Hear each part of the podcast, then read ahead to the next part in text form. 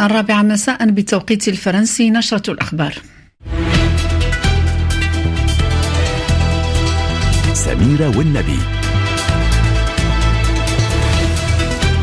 وفي عناوين النشرة ولي العهد السعودي محمد بن سلمان يصل تركيا محطته الأخيرة ضمن جولة رسمية استهلها من مصر ثم الأردن.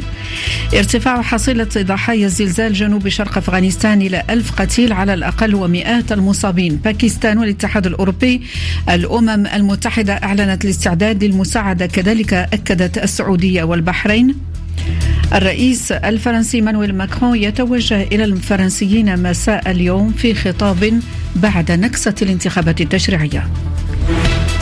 مونتي كارلو الدولية نشرة الأخبار. مسيتكم بالخير مستمعنا الكرام؟ وصل ولي العهد السعودي الأمير محمد بن سلمان إلى انقره اليوم في أول زيارة رسمية له لتركيا بعد ثلاث سنوات ونصف سنة من اغتيال الصحافي جمال خاشقجي.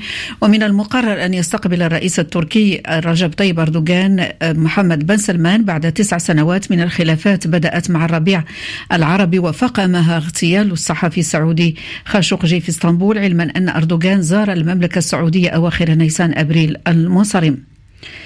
وتشكل تركيا المحطة الأخيرة في جولة ولي العهد السعودي محمد بن سلمان كان استهلها من مصر ثم المملكة الأردنية. عربيا أعلنت الحكومة الكويتية اليوم حل مجلس الأمة الكويتي دستوريا واللجوء إلى انتخابات جديدة خلال أشهر دون تدخل فيها ولا في اختيار رئيس مجلس الأمة القادم. لقي ألف شخص على الأقل مصرعهم اليوم حسب مسؤول كبير في واحدة من الولايات الأكثر تضررا بالهزة الأرضية العنيفة التي ضربت جنوب شرق أفغانستان بقوة ست درجات فاصلة درجة واحدة. آه، السلطات تخشى من ارتفاع حصيلة الضحايا من كابول محب الله شريف.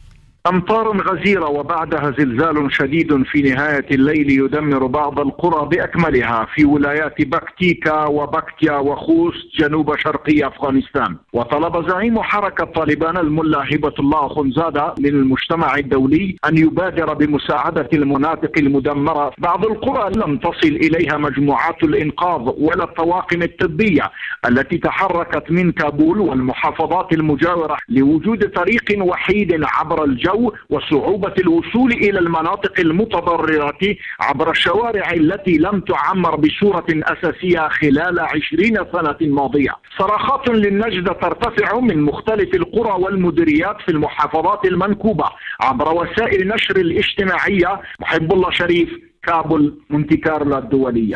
هذا وأعرب رئيس الوزراء الباكستاني عن حزنه العميق لهذه المأساة وأشار إلى أن السلطات الباكستانية تعمل لتقديم الدعم لجارتها. مبعوث الاتحاد الأوروبي الخاص إلى أفغانستان أعرب عن استعداد الاتحاد للتنسيق والمساعدة.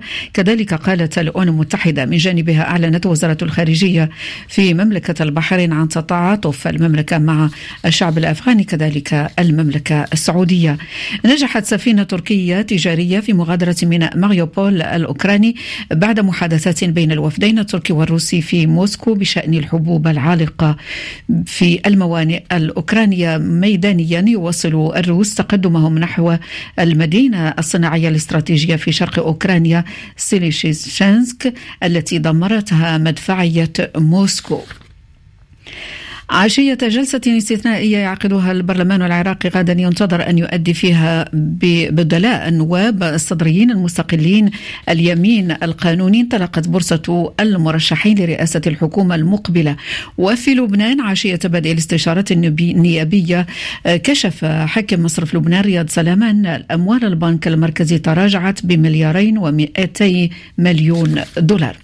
هنا في فرنسا الرئيس إيمانويل ماكرون يتوجه اليوم إلى الفرنسيين بعد نكسة الانتخابات فيما يستكمل لقاءاته مع الأحزاب السياسية بعد اذا الانتخابات الانتخابات التشريعية ونتائجها. إيزيس جريس بعد ثلاثة أيام من الدورة الثانية للانتخابات التشريعية لا زال الوضع السياسي ضبابيا أمام الرئيس ماكرون الذي عقد سلسلة من المقابلات. كان أولها مع رئيس اليمين التقليدي كريستيان جاكوب وهو لا يريد الدخول في منطق الائتلاف.